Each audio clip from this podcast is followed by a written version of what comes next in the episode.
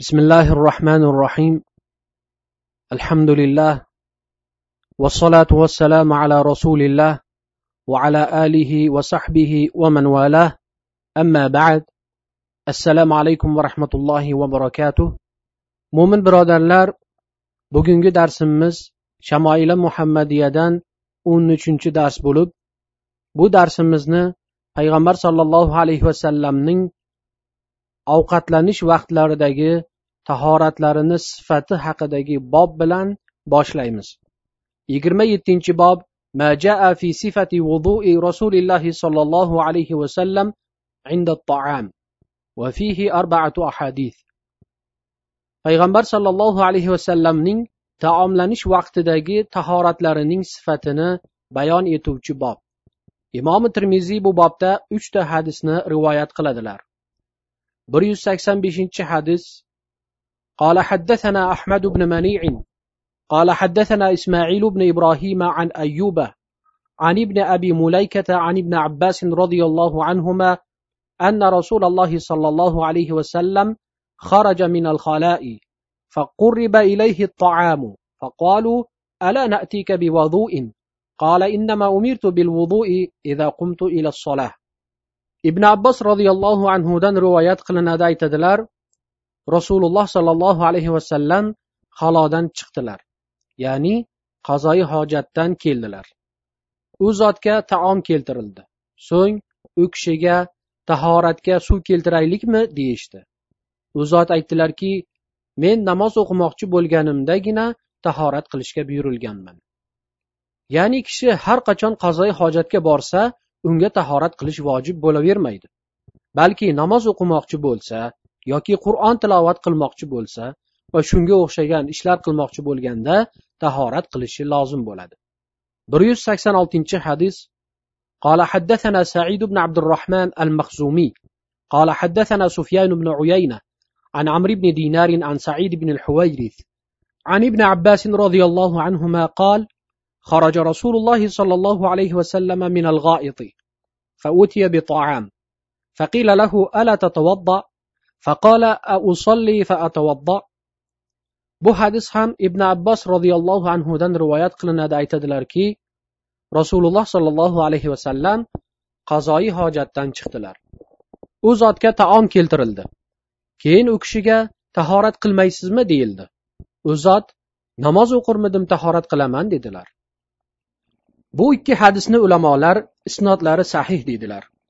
Bobda tahoratlarining sifati deb o'tildi bu hadislardan bayon bo'lishicha tahoratdan maqsad shar'iy tahorat emas balki lug'aviy ma'no ko'zda tutilib u qo'lni yuvish demakdir bir yuz sakson yettinchi hadis قال حدثنا يحيى بن موسى قال حدثنا عبد الله بن نمير قال حدثنا قيس بن الربيع قال حا حدثنا قتيبة قال حدثنا عبد الكريم الجرجاني عن قيس بن الربيع عن أبي هشام عن أبي هاشم عن زاذان عن سلمان. قال قرأت في التوراة أن بركة الطعام الوضوء بعده. فذكرت ذلك للنبي صلى الله عليه وسلم وأخبرته بما قرأت في التوراة. فقال رسول الله صلى الله عليه وسلم بركة الطعام الوضوء قبله والوضوء بعده. سلمان الفارسي رضي الله عنه دان روايات u zot aytadilar tavrotda ovqatning barakasi ovqatdan keyin qo'lni yuvishda deb o'qigan edim. Shuni payg'ambar sollallohu alayhi vasallamga aytsam rasululloh sollallohu alayhi vasallam ovqatning barakasi ovqatdan oldin ham keyin ham qo'lni yuvishdadir dedilar. Hadisda tahorat qilish degan lafz ishlatilgan edi lekin u tahoratdan maqsad qo'lni yuvish ekanligini mulla ali qorining sharhlaridan o'qib bilganimizdan keyin shu sharhga suyanib to'g'ridan to'g'ri maqsadga ko'chib qo'lni yuvish deb tarjima qilib qo'ydik. Yana u zot aytadilarki ulamolar mana bu hadislarga tayanib ovqatdan oldin va keyin qo'l yuvishni mustahab deydilar ya'ni sunnat mazmunida. Ali qoriy hadisdan yana bir ajoyib istinbot qilib aytadilar payg'ambar sollallohu alayhi vasallam salmon roziyallohu anhuning savollariga ovqatning barakasi ovqatdan oldin ham keyin ham qo'l yuvishda degan so'zlarida payg'ambar sollallohu alayhi vasallamning shariatlari avvalgi shariatlarni mansux qiladi. Chunki u shariatlar buzilgan ularga o'zgarishlar kiritilgan. Shuning uchun ahli kitoblarning qo'llaridagi kitoblardan ta'lim olish mumkin emasdir degan ma'nolar bor.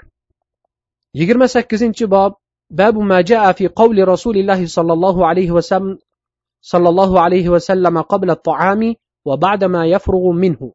وفيه سبعة أحاديث.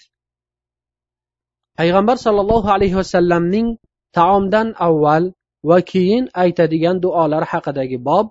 bu bobda imom termiziy yettita hadisni rivoyat qiladilar bir yuz sakson sakkizinchi hadis قال حدثنا قتيبة بن سعيد قال حدثنا ابن لهيعة عن يزيد بن أبي حبيب عن راشد بن جندل اليافعي عن حبيب بن أوس عن أبي أيوب الأنصاري.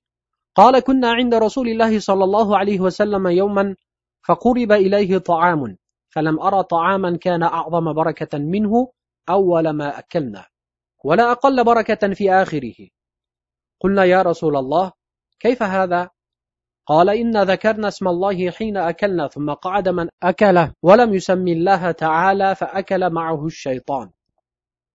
Abu ayub al ansoriydan rivoyat qilinadi aytadilarki biz bir kuni rasululloh sollallohu alayhi vasallamning huzurlarida edik. U zotga taom keltirildi. Men mana bunday taomni yeyishni boshlaganimizda benihoyat barakali oxirida esa o'ta barakasiz taomni hecham ko'rmaganman. Payg'ambar sollallohu alayhi vasallamdan buning sirini so'ragan edik. U zot aytdilarki biz ovqatlana boshlaganimizda ollohning ismini yod etgan edik. Keyin bir kishi kelib ollohning nomini zikr qilmay ovqatlana boshladi. Keyin shayton ham u bilan qo'shilib yedi.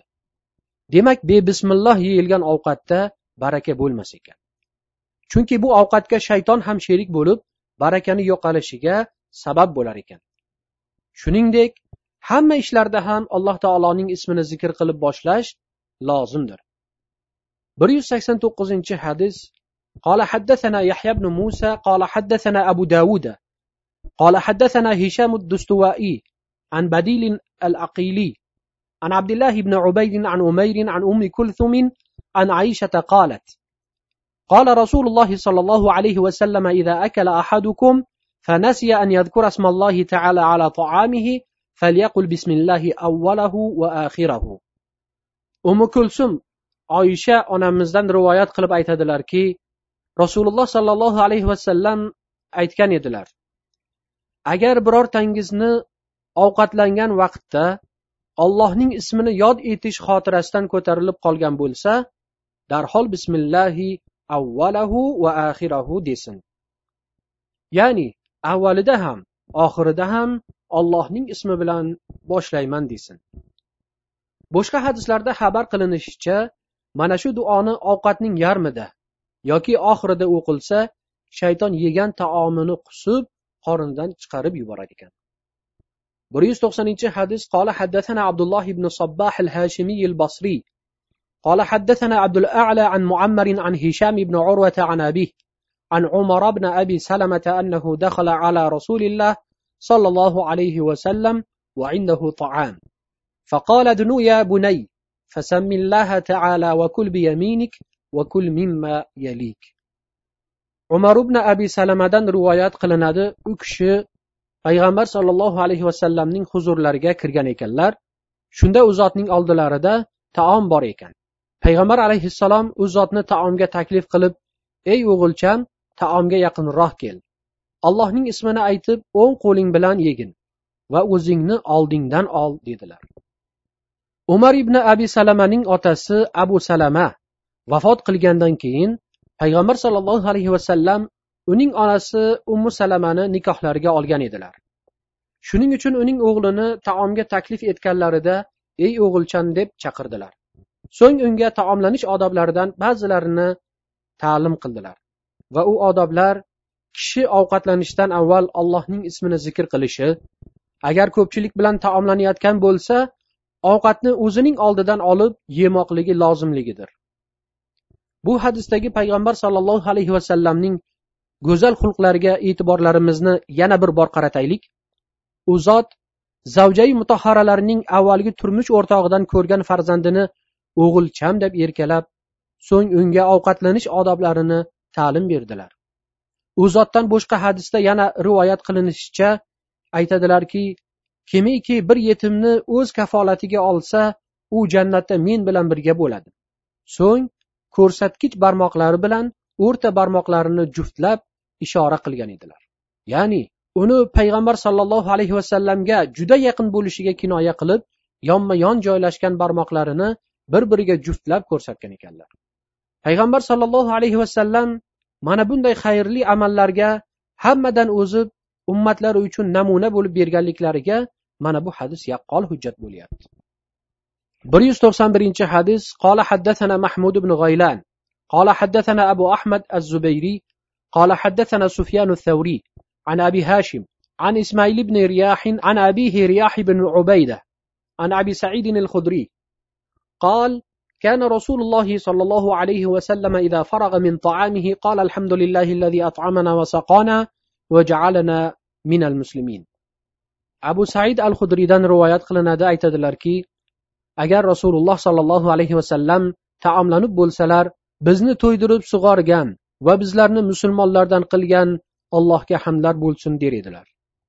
Musulmon kishi uni go'zal axloqlarga yetakchisi bo'lgan payg'ambar sollallohu alayhi vasallamga iqtido qilib ovqatdan avval keyin ham va ovqat o'rtasida o'qiladigan mana bunday duolarni doimo zikr qilishi kerak bir yuz to'qson ikkinchi قال حدثنا محمد بن بشار قال حدثنا يحيى بن سعيد قال حدثنا ثور بن يزيد قال حدثنا خالد بن معدان عن أبي أمامة قال كان رسول الله صلى الله عليه وسلم إذا رفعت المائدة من بين يديه يقول الحمد لله حمدا كثيرا طيبا مباركا فيه غير مودع ولا مستغنى عنه ربنا abu umoma roziyallohu anhudan rivoyat qilinadi. Aytadilarki rasululloh sollallohu alayhi vasallam agar dasturxon yig'ishtiriladigan bo'lsa allohga cheksiz va muborak hamdlar bo'lsinki rabbimiz tark qilinmas va undan behojat bo'linmas der edilar. Mulla ali qoriy aytadilarki muborak hamning ma'nosi shuki bitmas va tugalmas madhlardir. Ya'ni alloh taologa benihoya hamdi sanolar bo'lsin bir yuz to'qson uchinchi hadis قال حدثنا أبو بكر محمد بن أبان قال حدثنا وكيع عن هشام الدستوائي عن بديل بن ميسرة العقيلي عن عبد الله بن عبيد بن عمير عن أم كلثم عن عائشة رضي الله عنها قالت كان النبي يأكل الطعام في ستة من أصحابه فجاء أعرابي فأكله بلقمتين فقال رسول الله صلى الله عليه وسلم oysha onamizdan rivoyat qilinishicha aytadilarki payg'ambar sollallohu alayhi vasallam sahobalaridan oltita kishi bilan ovqatlanib turgan edilar. Bir arobiy ya'ni cho'lda yashaydigan kishi kelib ovqatdan ikki luqma oladi. Rasululloh sollallohu alayhi vasallam aytadilarki agar mana bu ollohning ismini yod olganda edi ovqat hammalaringga yetar edi. Bir yuz to'qson to'rtinchi hadis قال حدثنا هناد ومحمود بن غيلان بن غيلان قال حدثنا أبو أسامة عن زكريا بن أبي زائدة عن سعيد بن عن أنس بن مالك قال قال رسول الله صلى الله عليه وسلم إن الله لا يرضى عن العبد أن يأكل الأكلة فيحمده عليها أو يشرب الشربة فيحمده عليه. أنس بن مالك تن روايات قلنا aytadilar rasululloh sollallohu alayhi vasallam aytdilarki alloh taolo banda ovqat yeb uning uchun allohga hamd aytsa yoki suv ichib uning uchun allohga hamd aytadigan bo'lsa u bandadan rozidir. Ulamolar aytadilar banda ovqatdan keyin hamd aytishi ne'mat bergan zotning ne'matiga shukur qilish va ne'matni yanada ziyoda bo'lishini tilashligidir. Chunki alloh taolo agar shukur qilsanglar ne'matlarimni yanada ziyoda qilaman deb qur'oni karimda marhamat qilgan.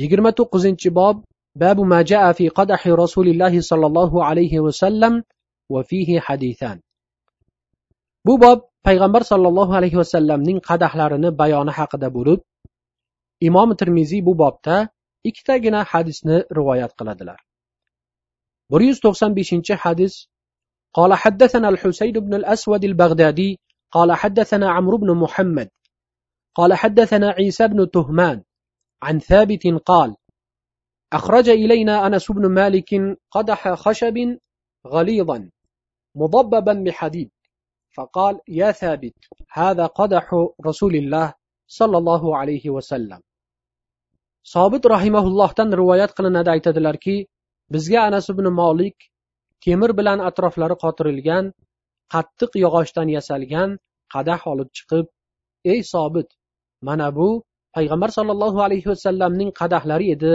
dedilar bir yuz to'qson oltinchi hadis qola haddathana abdulloh ibn abdurahmon qola haddathana amr ibn asim قال حدثنا حماد بن سلمة قال حدثنا حميد وثابت عن أنس قال لقد سقيت رسول الله صلى الله عليه وسلم بهذا القدح الشراب كله الماء والنبيذ والعسل واللبن anas roziyallohu anhudan rivoyat qilinadi aytadilar men mana shu qadahda rasululloh sollallohu alayhi vasallamga sharoblarni har turini suv nabiz asal ayronni quyib berganman.